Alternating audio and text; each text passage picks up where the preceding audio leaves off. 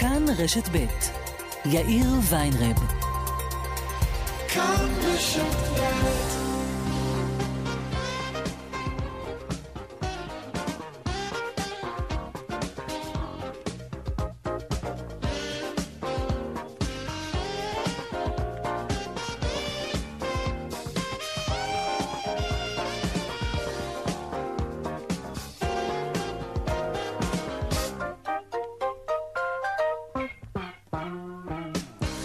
שלום רב לכם, ארבעה ועוד שש דקות בדיוק, כאן צבע הכסף ברשת ב', יום רביעי, עורך התוכנית רונן פולק, בהפקה סמדר טל עובד, סיוע בהפקה שמעון דוקרקר, טכנאי השידור שלנו היום הוא קובי ראובני, הדועל שלנו, כסף כרוכית כאן.org.il, אפשר ליצור קשר גם בדף הפייסבוק שלנו, כאן ב', אני יאיר ויינרב, מעכשיו עד חמש, אנחנו מיד מתחילים.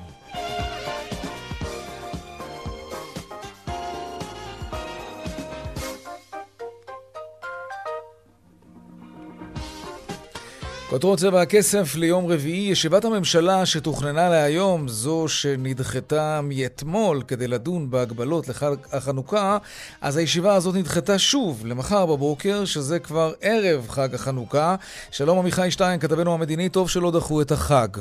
אה, נכון, יאיר. אגב, אנחנו עדיין לא יודעים, אולי כן יחליטו לדחות את החג, אבל כן, נכון לעכשיו, בשמונה וחצי מחר בבוקר אמורה להתכנס הממשלה לדון בהגבלות שיוטלו בחג החנוכה, אבל צריך לומר, נכון לשעה הזאת, אנחנו עדיין לא יודעים אפילו מהם אותן אה, מגבלות שיוצגו בפני השרים. נזכיר, לכאורה זה היה אמור להיות עוצר לילי, אבל אחרי שהעבירו במשרד הבריאות שהם אה, מתנגדים לזה בצורה נחרצת, כיוון שזה לא יסייע בהורדת התחלואה, בעצם זה ירד מהפרק, ונשקלים אולי הגבלות מקומיות ביישובים יהודיים, הגבלות כאלה ואחרות, אבל צריך לומר, יאיר, עדיין לא ברור איזה מתווה יוצג מחר בפני השרים בישיבת הממשלה. כלומר, השאלה, אם לא יהיה מתווה, יכול להיות בכלל לא תתקיים ישיבת ממשלה בעניין.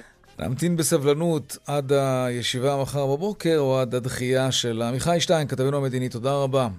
תודה.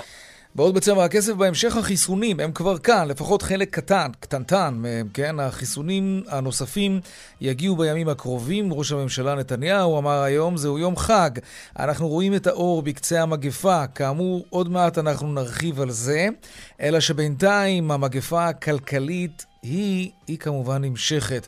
יותר ממחצית מהאוכלוסייה בישראל נפגעה כלכלית ממשבר קורונה. כך עולה מדוח העוני האלטרנטיבי שפרסם היום ארגון לתת. מעל לרבע מיליון משפחות הידרדרו לעוני. יותר מ-400 אלף משקי בית הידרדרו למצוקה כלכלית, ומעמד הביניים הוא התכווץ ביותר מ-15%. עוד מעט אנחנו נרחיב על הדוח הזה, שאותו הגדיר נשיא המדינה ריבלין כאחד הקשים שעמדו לנגד עיניו. הנתונים מצביעים על חוסר אמון של הציבור הישראלי במוסדות המדינה ובממשלת ישראל וביכולת שלה לטפל במשבר ולתת מענה לאתגרים הנובעים ממנו. וכל זאת לצד הסתמכות גוברת והולכת על עמותות, ארגוני מגזר שלישי ופילנטרופיה הנזקקים למלא את מקומה של המדינה בתקופה קשה זו, האחריות עלינו, ואנחנו מבטיחים להביט נכוחה במציאות ויודעים שאנחנו חייבים להביא את השינוי. בהתאחדות התעשיינים מעריכים כי בשנת 2021, בשנה הבאה, שאו-טו-טו כבר כאן, יעמוד הייצוא הישראלי לאיחוד האמירויות על סכום של בין מיליארד למיליארד וחצי שקלים. השבוע חתם נשיא התעשיינים רון תומר על שורה של הסכמים עם משרד ההשקעות של אבו דאבי וגם עם קבוצת נמל אבו דאבי. הנה דברים שאמר תומר לצבע הכסף מדובאי. יש פה פוטנציאל גדול לתעשייה הישראלית לשיתופי פעולה והשקעות במיליארדים של שיתופי פעולה למען ייצור גם בישראל וייצוא דרכם למדינות המפרץ ומעבר לזה, וגם ייצור משותף בישראל ובאותם אזורים באבו דאבי. אנחנו נייצר קשרים לתעשיינים ומקווים להוביל אותם קדימה ולתקן חלק מהנזקים שהייצוא למדינות המערב סובלים בהם כיום בעקבות הקורונה ושער הדולר הנמוך. ובהמשך התוכנית גם על תעשיית החלל הישראלית, היום הושק פרויקט בראשית 2. המסע של החללית הבאה לירח, נדבר על המהלכים שמקדמת ישראל בדרך לשם, לירח, אולי גם למאדים. וגם חברת גוגל מסכמת שנה, ומה בעיקר חיפשנו ברשת? אה, אז האמת היא שאין ממש הפתעות, כן? הקורונה מחכבת בצמרת רשימת החיפושים שלנו השנה. המושג קורונה הוא במקום הראשון כמובן, ומשרד הבריאות הוא במקום השני. איך נדבקים בקורונה היא השאלה הנפוצה ביותר במנוע החיפוש של גוגל. במקום השלישי, איך מכינים מסכה ביתית. ובמקום השני, מקום אחד לפני, והמפתיע, איך מכינים מופלטה. כן, היה לנו כנראה הרבה זמן פנוי בסגרים וביניהם להתנחם בהכנת פחמימות אכזריות, כמו מופלטה. עכשיו יש לנו סופגניות. והדיווח משוקי הכספים כרגיל לקראת סוף השעה, אלה הכותרות, כאן צבע הכסף. אנחנו מיד ממשיכים.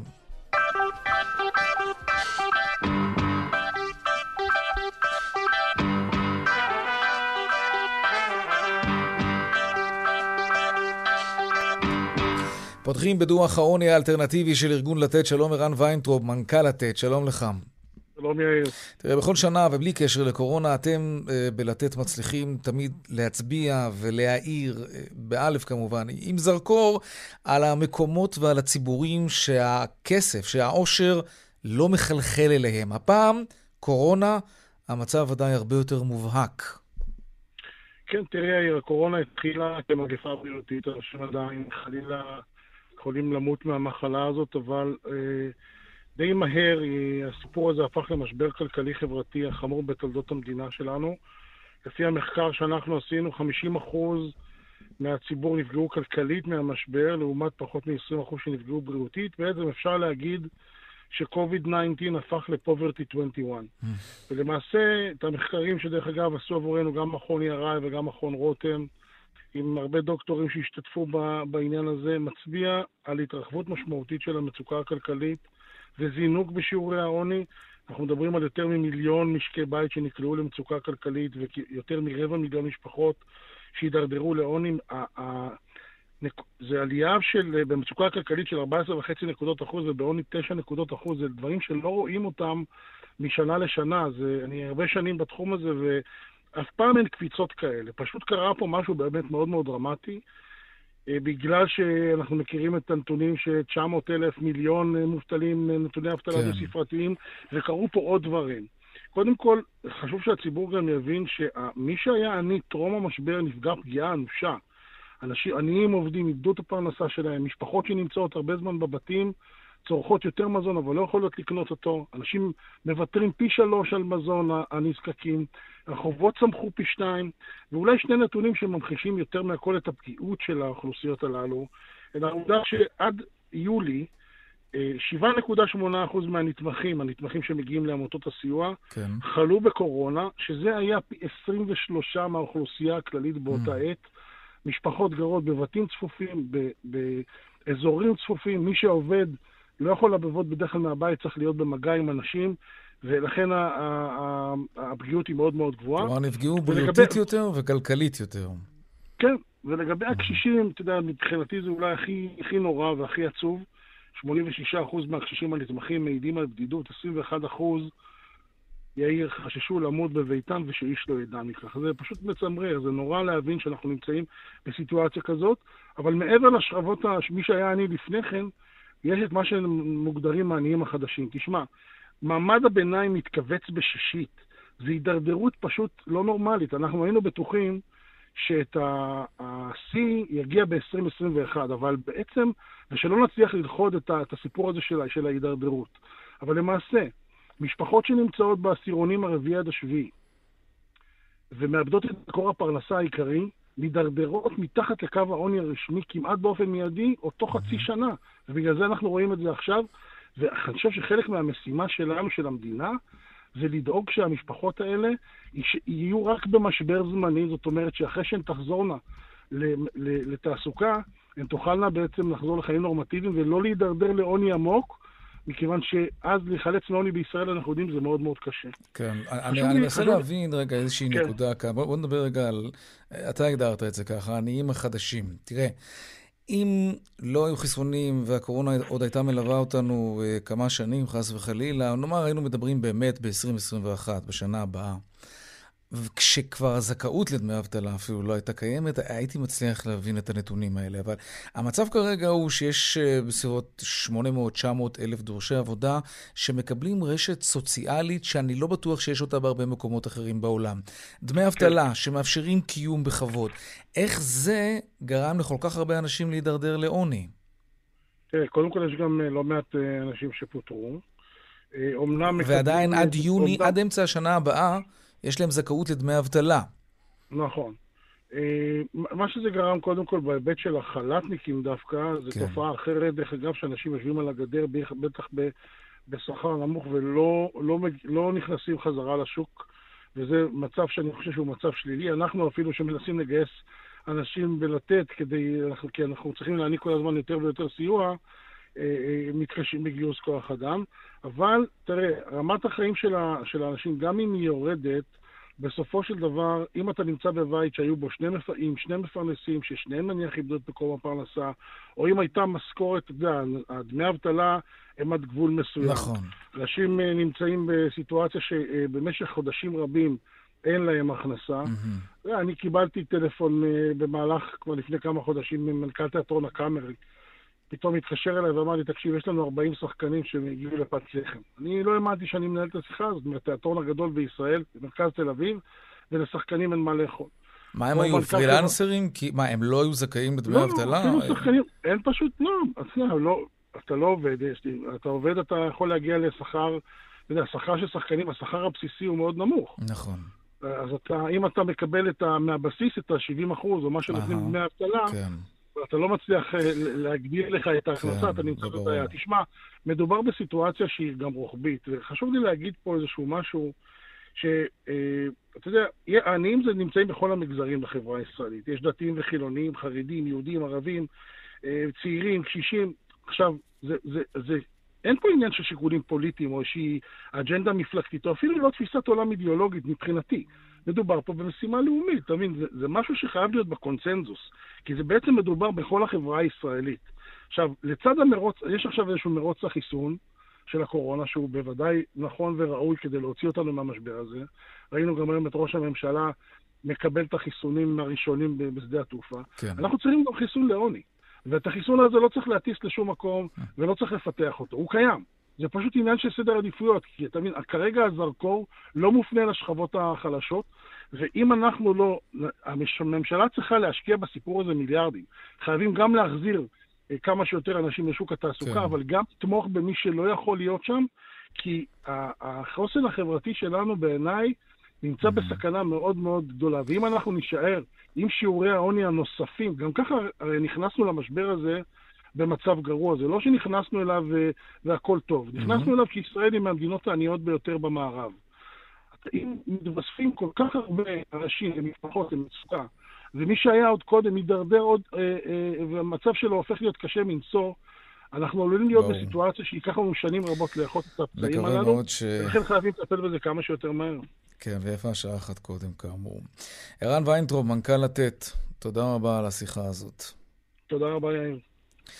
לעניין הבא שלנו, שהוא בעצם קשור כמובן, החיסונים הראשונים נחתו היום בישראל, רק דגימה קטנה, אלף חיסונים בלבד. זה נועד, אה, איך נגדיר את זה? לתרגל את השינוע המאוד מורכב שלהם במינוס של כמה עשרות מעלות. המסה הקריטית של החיסונים עוד לפנינו. שלום שרון עידן, כתבנו לענייני תעופה.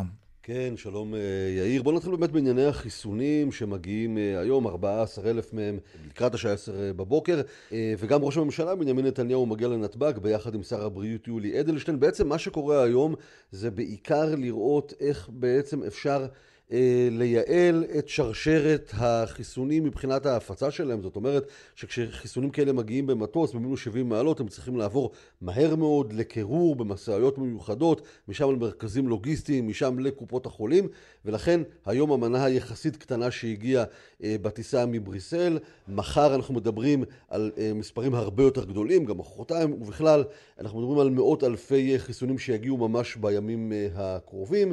ראש הממשלה אה, בנימין אה, נתניהו כאמור היה היום בנתב"ג, בוא תשמע ביחד איתי את הדברים שהוא אמר, הוא קרא לזה יום חג, גם אמר שהוא יהיה מראשוני המתחסנים. זהו אחד הרגעים המרגשים ביותר.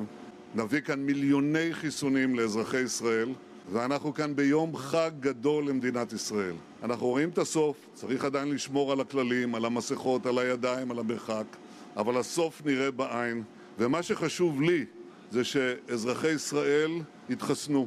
אני מאמין בחיסון הזה. כן, ואחרי שדיברנו אה, על ענייני החיסונים, בואו נדבר באמת על עניין דובאי, שהוא אה, עניין מוזר, שלא לומר כמעט מטריד, כשיד ימין לא יודעת מה יד אה, שמאל עושה. בעצם משרד הבריאות התכוון להפוך את דובאי לאדומה. אנחנו מדברים על כמעט 70 אלף ישראלים שקנו כרטיסים לשם לתקופה הקרובה, לחודש הקרוב.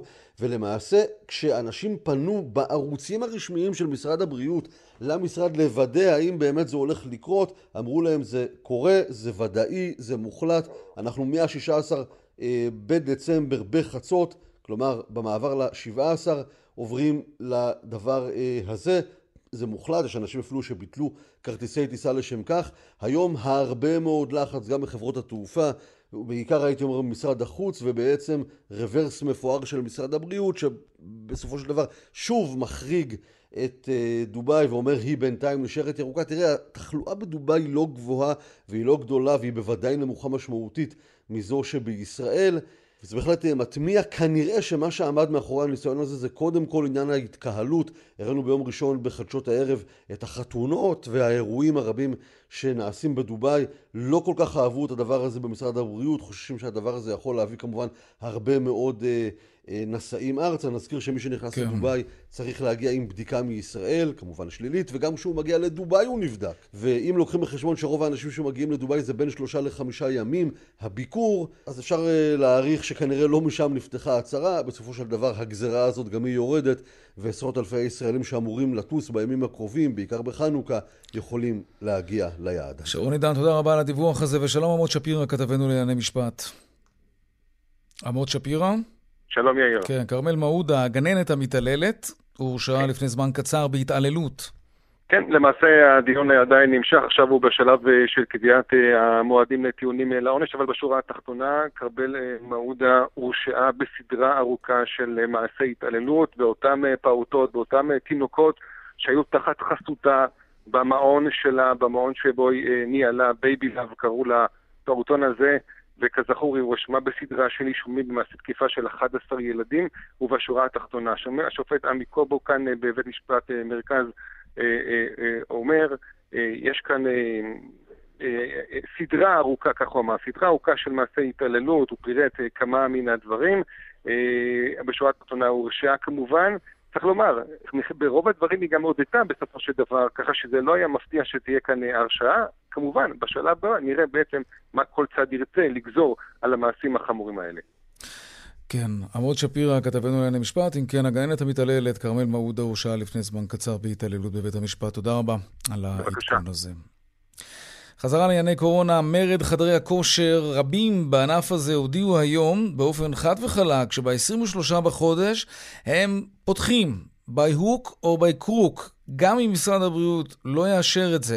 שלום עינת בזק, בעלים של סטודיו פילאטיס בהוד השרון, שלום לך. שלום, שלום. לא פילאטיס, סטודיו לכושר. סטודיו לכושר. כמה זמן הסטודיו שלך סגור? הסטודיו שלי סגור אה, כעשרה חודשים, אה, on and off. Mm-hmm. רוב הזמן סגור בעשרה חודשים האלה. Mm-hmm. ואת, אה, בהתאם להכרזה של הפורום שלכם, את מתכוונת גם כן לפתוח ב-23 בדצמבר? בוודאי. Mm-hmm. את יודעת שהמשמעות היא 5,000 שקלים קנס כל יום. איך אפשר לעמוד בזה? איקאה אולי מסוגלת, את תצליחי לעמוד בזה?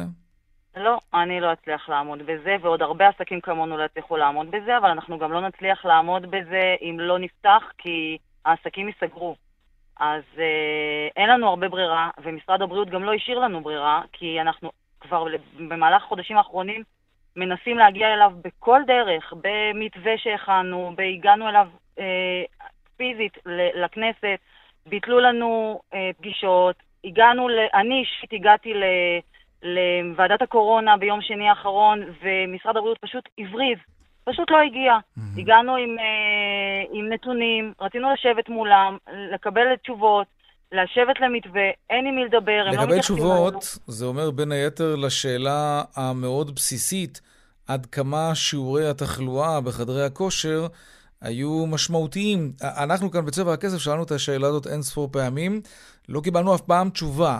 את יודעת לומר מהם שיעורי התחלואה במכוני הכושר? יודעת, בטח שאני יודעת לומר. אני קיבלתי את הנתונים שלי ממשרד הבריאות. כן, ו... אה, כש, כשמדובר על 148 חולים שנדבקו במהלך הזמן שהיינו פתוחים, מתוך אה, אה, 10 מיליון כניסות לחדרי כושר, מדובר על 0.01 הידבקות. זה, זה, זה מספר שהוא לא הגיוני, ש, שבשביל כזאת, כזאת כמות קטנה סוגרים mm-hmm. ענף שלם וסוגרים לכל מדינת ישראל את האפשרות לאימונים. למה פירקתם אין... את מעל המחאה שלכם מול הכנסת? לא, פירקנו רק את המעל, לא הפסקנו את המלחמה. Mm-hmm. פירקנו את המעל כי אין טעם להחזיק אותו, זה עולה עוד כסף, אבל אנחנו לא, בשום, בשום צורה לא מפסיקים את המחאה. המחאה הזאת תימשך עד שאנחנו נפתח, וכמו שאמרת בפתיחה, אנחנו נפתח ביוק ובנקוק, איתכם ובלעדיכם, אנחנו ב-23 לדצמבר פותחים את ענף הכושר, ועם ישראל מוזמן לחזור להתאמן. אנחנו נפתח אותו כמובן בהתאם למתווה שסוכם מראש עם משרד הבריאות בפעם שעברה לפי תו סגול, לפי הקפדה כן. על הנחיות. אנחנו לא הולכים עכשיו לפתוח אה, אה, באמת בצורה אה, פיראטית, אנחנו הולכים לפתוח בצורה מאוד... על פי כללי התו הסגול. את יודעת אבל, עינת, מה שראינו בזמן האחרון, ובניגוד לגל הראשון, כן?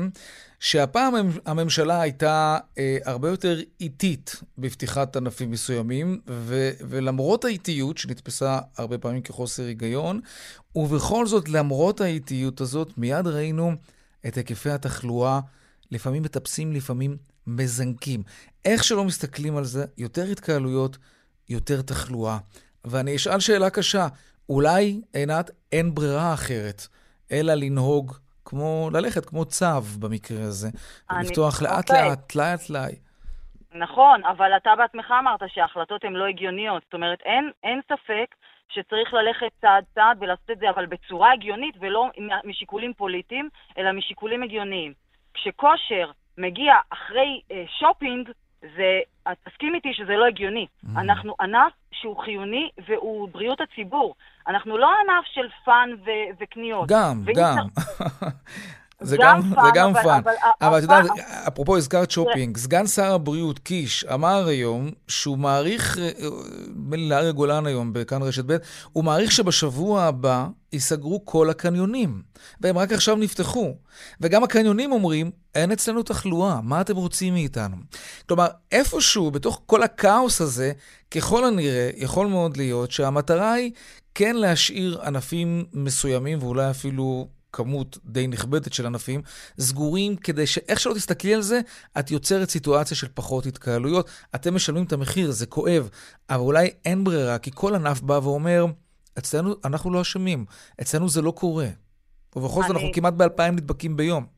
כן, אבל אנחנו סגורים כבר חודשים, אז בוא, האלפיים נדבקים האלה הם לא מאיתנו, נכון? עכשיו, מה שאני אומרת זה לסגור, אתה רוצה למנוע תאונות דרכים, תסגור את הכבישים. לסגור זה הפתרון הכי קל לממשלה. לפתוח בצורה הגיונית, לשבת ולהכין מתווה הגיוני, שהדברים יפעלו ללא התקהלויות, בצורה הגיונית. עובדה שאחוזי הידבקות היו מאוד מאוד קטנים. זאת אומרת שענף הכושר, ששומר על בריאות, וחוץ מקורונה יש עוד הרבה בריאות, השמנת יתר, דיכאונות, בעיות לב, כולסטרול, כל הדברים האלה שמשרד כן. הבריאות צריך להתמודד איתם בהמשך, על זה הוא לא עובד עכשיו. אבל אני אומרת, בואו שבו, בואו תפתחו בצורה הגיונית ואיטית. אני לא אומרת עכשיו תפתחו 20 מתאמנים במקום של 100 מטר, אוקיי? מה שהיה לפני הקורונה. אבל כן, להכניס שבעה מתאמנים בקפסולות ששומרים על מרחקים, ששומרים על בריאות, ששומרים mm-hmm. על ניקיון והיגיינה. זה דברים שאפשר לעשות אותם, פשוט צריך להגיע למתווה הנכון. Okay. אוקיי. לפתוח בצורה הגיונית. מה שקרה פה, וזה נאמר עלינו בפירוש, עשו עלינו סיבוב פוליטי, זה נאמר במסדרונות הממשלה, זה ברור שזה לא מבחינה הגיונית ולא, מבחינה, ולא משיקולים הגיוניים מה שקרה פה.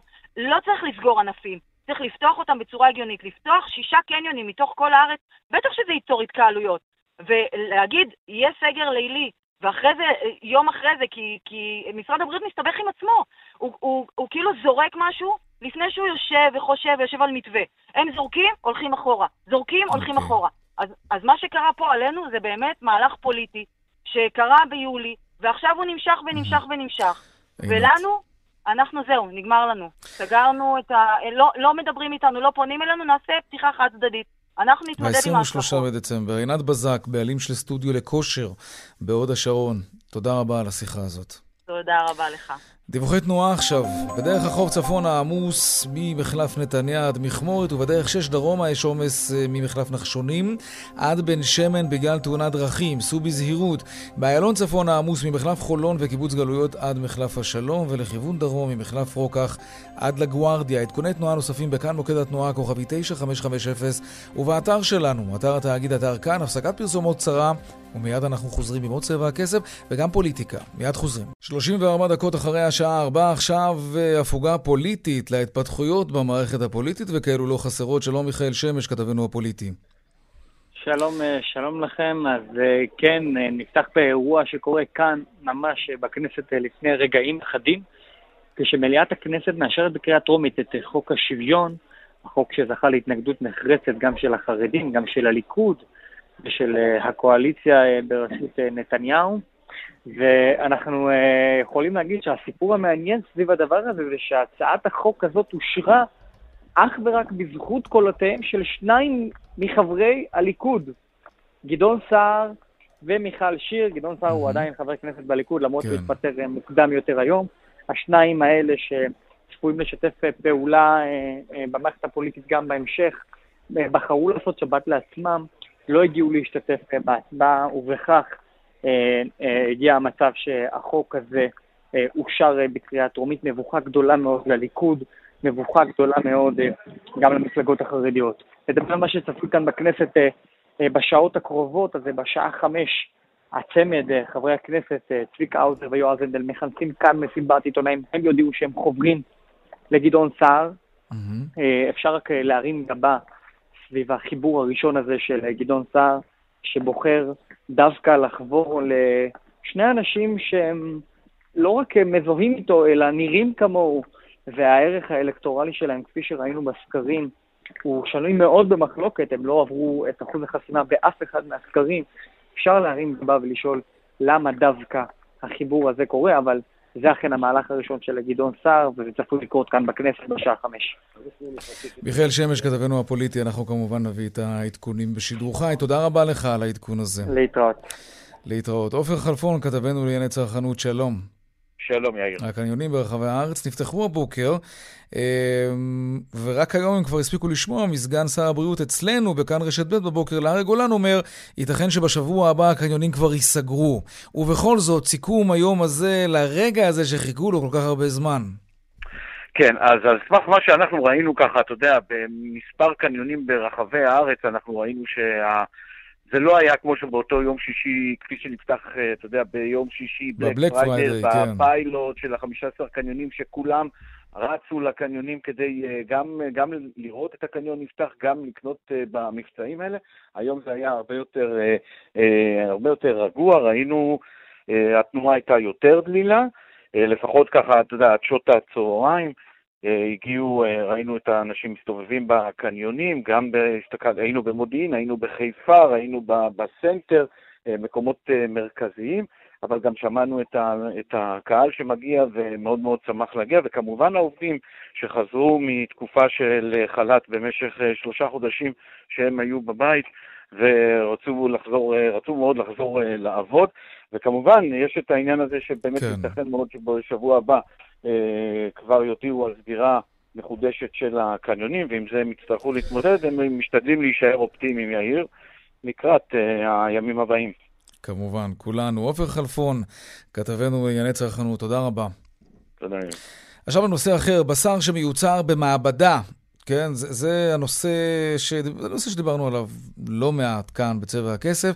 התחום הזה תופס תאוצה ממש. השבוע אפילו ראש הממשלה נתניהו הגיע לטעימה ראשונה של סטייק מתורבת. זה סטייק שמכינים אותו מתאים של בעלי חיים. לא צריך לשחוט את ה... את הבהמה בשביל זה, כן? אמ, וזה היה בביקור שראש הממשלה היה בו במפעל שמייצר בשר חלופי מאותם תרביות תאים. שלום לניר גולדשטיין, מנכ"ל ארגון GFI, שלום לך. היי יאיר, שמח להיות פה. גם אנחנו שמחים שאתה כאן. זה, זה נכון שההמבורגר הראשון, אגב, שיוצר בטכנולוג, בטכנולוגיה כזאת, עלה אז 300 אלף דולר לפני כמה שנים? כן, נכון. דוקטור, אז, היום כבר פרופסור מרק פוסט הוא בעצם הפורץ דרך שעשה את זה בהולנד, אבל התעשייה הזאת ממש מתקדמת במהירות, והיום הסטייקים אה, שאפשר לאכול בישראל, אה, באלף פארמס, אם אתה קצת אה, בר מזל, וגם סופרמיט שהכריזה שיש לה כבר המבורגר עוף, כן. הם מדברים על טווחי מחירים של 30-50 דולר, והקצב כמובן ילך... למה? לסטייק? 30, 40, 50 דולר לסטייק? להמבורגר? כן, עלות הייצור שלהם לסטייק היא כ-50 דולר כיום. עלות הייצור. נכון. אז לצרכן זה... טוב. זה גודל שהדבר הזה ירד. אז בואו נסכם ונאמר שהמחירים ירדו, ואם ימשיכו להשקיע בתעשייה הזאת ולפתח אותה, אז המחירים גם יכולים להיות שווים לכל כיס. אבל בואו לפני זה, על, על מה אנחנו בעצם מדברים? זה, זה בשר או שזה לא בשר? מה זה? זה בשר לכל דבר, כשבמקום לגדל בעל חיים עם כל ההשלכות הסביבתיות, הכלכליות, הבריאותיות של הדבר הזה... והמוסריות, כן. כן, והמוסריות כמובן. אנחנו לוקחים תא אחד בודד מבעל חיים, אה, וממנו אנחנו יכולים לייצר המון המון תאים. אנחנו נותנים את כל התנאים שהוא צריך מבחינה סביבתית של חומרי הזנה וחום וכולי, והוא מתרבה. תא מכפיל את עצמו בין כל 12 ל-24 שעות, אז כמו שראש הממשלה ראה, אה, אפשר ממבחנה אחת להכיל את כל אוכלוסיית מדינת ישראל. וואו. זה מהפכני, זה העתיד של המזון. וישראל היא מובילה עולמית בתחום. אוקיי, okay, עכשיו, מה לגבי, אתה אומר זה בשר, כי זה באמת בא מתאים של, של בעלי חיים. אמ, מה הטעם שיוצא מהדבר הזה? כי זה בכל זאת בתוך, זה מגודל בתנאי המעבדה. כן, אני טעמתי עם ראש הממשלה אה, סטייק מכל כן. דבר ועניין, mm-hmm. אמנם היה קצת אה, דק, אבל הטכנולוגיה תמשיך. כן. היופי פה זה שבפעם הראשונה בהיסטוריה אנחנו מייצרים את הבשר שלנו bottom up, מרמת הרכיבים מעלה. זה מאפשר לנו שליטה חסרת תקדים. תדמיין, אנחנו יכולים לייצר את הסטייק המושלם פעם אחר פעם, ואפילו יותר טוב ממה שאתה מקבל היום מהטבע. Mm-hmm. אתה יכול להחליף את הכולסטרול בכולסטרול טוב, את השומן באומגה 3, את הטעמים, אנחנו נותנים פה היום לתעשיית המזון, לשפים, לטכנולוגי המזון, כלים לפרוץ אה, דרך לדברים שאנחנו עוד לא מכירים בכלל. רגע, ומה קורה לחיה שלוקחים ממנה את התאים? זה, זה מחייב להמית אותה או שלאו דווקא? טוב, אנחנו ברדיו, אבל יש סרטונים מדהימים ביוטיוב שאתה יכול לראות שניצל, כן. אה, עוף, כן. שהתרנגול רץ ליד. אותו תרנגול שאתה אז נלקח ממנו. מה אתה אומר? אין צורך לפגיעה ממש, בחיה. זה סוג של שיבוט, אבל שיבוט לצלחת, כן? אתה לא יוצר אה, יצור חי, אתה יצר, מייצר את מה שבדרך כלל היינו צריכים לעשות, אה, לשחוט אותה, את בעל החיים הזה כדי לאכול אותו. נכון, והדבר. המדהים הוא שישראל מתמחה בעוד טכנולוגיה שהציבור פחות מכיר, שנקראת פרמנטציה. כן. אנחנו היום יודעים ללמד אה, מיקרואורגניזמים כמו שמרים למשל, שאנחנו שמים בלחם וביין שלנו ובבירה כבר אלפי שנים. את אותם שמרים אנחנו יודעים ללמד, במקום ליצור אלכוהול ו-CO2, לייצר כל חלבון שקיים בטבע. Mm-hmm. אז למשל היום בארצות הברית אתה יכול לאכול גלידה, שיש בה חלבונים של חלב פרה. חלב פרה, לא תחליף, לא כן. סויה. אבל הם לא הגיעו מפרה, השמרים ייצרו אותם. Mm. אותו דבר עם ביצים, ובעתיד גם בשר, וזה כבר בשוק, זה לא רחוק, זה במחירי שוק. העתיד כבר כאן תגיד, במובן הזה. תגיד, מה היחס של אה, צמחונים וטבעונים לבשר מהסוג הזה? מה היחס של יהודים שומרי מצוות? האם זה כשר? אה, אלה שאלות מעניינות. אני לא יודע מה התשובה שאני מקווה לתת, כי בגלל שזה בשר אמיתי, אז גם התעשייה שמייצרת את זה אומרת, תשמע, זה לא... הקל יד פה הוא לא טבעוני, זה לא לטבעונים, טבעונים יש להם מספיק תחליפים, הם מסתדרים עם העדשים אוקיי. והנבטות והכל. ולגבי כשרות, יש, יש, יש רבנים שמעורבים בתהליך הזה כדי להבין האם זה משהו שאפשר יהיה לשווק אותו לציבור שהוא די גדול, בטח פה, אצלנו כאן בארץ, שאוכלים כשר. כן, בהחלט, גם חלק מהיזמים הם אה, שומרי כשרות. הקונצנזוס היום שמתגבש וזה מתהווה ושמדובר במזון שהוא כשר. אה, יש פה גם חדשנות במובן הזה, האם זה כשר בשרי? האם אה, נכון. בשר חזיר מתורבת הוא כשר? אה, ועוד כהנה וכהנה. כן, יש הרבה שאלות שעולות, מתעופפות באוויר. תגיד, מתי זה יגיע לרמות מחירים של לשבת במסעדה ולהזמין המבורגר כזה ב-50, 60, 70 שקלים, כמו שנהוג היום עם בשר מן החי? Um, ברמת הרכיבים זה כבר כאן, זאת אומרת, הסטייק אולי קצת יקר, אבל שומן לתעשייה הזאת, שומן מתורבת או חלבון מתורבת שהוא פחות מורכב, uh, אנחנו כבר יכולים בעצם uh, לראות אותו בשוק, אם רק הרגולציה תאפשר לנו. ניר גולדשטיין, מנכ"ל ארגון GFI, תודה רבה. תודה יאיר, יום טוב. יום טוב. 44 דקות אחרי השעה 4, אה, דיווחי תנועה עכשיו, כן. דרך 65 מזרחה עמוסה ממחלף עירון עד ערה ודרך 4 צפון עמוס מבני דרור עד הדסים. דרך 444 לכיוון צפון עמוסה מצומת אייל עד צור יצחק. עדכוני תנועה נוספים בכאן מוקד התנועה כוכבי 9550 ובאתר שלנו אתר התאגיד אתר כאן. הפסקת פרסומות קצרה ונחזור עם עוד צבע הקסם לדבר על תעשיית החלל. בראשית 2 יצא היום לדרך. לא, לא לדרך לחלל בינתיים, לירח, אלא לפרויקט יצא לדרך. מיד חוזרים. 12 דקות לפני השעה 5, עכשיו נדבר על פרויקט בראשית, החללית הישראלית לירח. אנחנו זוכרים איך זה הסתיים בפעם הקודמת, החללית התרסקה, אבל ממשיכים בכל הכוח קדימה, מתברר. פרויקט בראשית 2 יצא היום לדרך. שלום הלל רובינשטיין, יושב ראש דימארס, שלום לך. הלל? דוקטור הלל רובינשטיין? טוב, אנחנו ננסה לחדש עכשיו את הקשר עם דוקטור הלל רובינשטיין, מנכ"ל עמותת דימארס, כדי לדבר על בראשית 2, שהפרויקט שלה החל היום. הרבה מאוד כסף הושקע גם בפעם הקודמת, הרבה מאוד כסף מושקע גם עכשיו. האם הפעם הפרויקט הזה יהיה יותר מוצלח? אנחנו כמובן כולנו מקווים, אבל גם יהיה מעניין להתעדכן על המטרות ש... שהוצבו בפני החללית החדשה, שצפויה להיות משוגרת. מתי? אני אנסה לברר עכשיו. דוקטור הלל רובינשטיין, יושב ראש דימארס, שלום לך. איך שמתקשרים, נשים להעלות אותי, יש רעש. הלל, האם אתה שומע אותנו? שלום. שלום וברכה. הלל, אתה בשידור. כן. כן, הלל רובינשטיין, יושב ראש, דוקטור הלל רובינשטיין, יושב ראש דימארס. אוקיי. יש לוח זמנים לשיגור, יש לוח זמנים כבר לשיגור החללית לירח, או שזה עוד מוקדם מדי? שלוש שלוש. כן. כן. חמש חמש. טוב, אנחנו uh, ננסה לשוחח על העניין הזה בהזדמנות uh, אחרת. נשמע כמה צלילים, אולי, אולי עוד נספיק עכשיו. כן. לא, אוקיי, טוב. עכשיו לדיווח משוקי הכספים.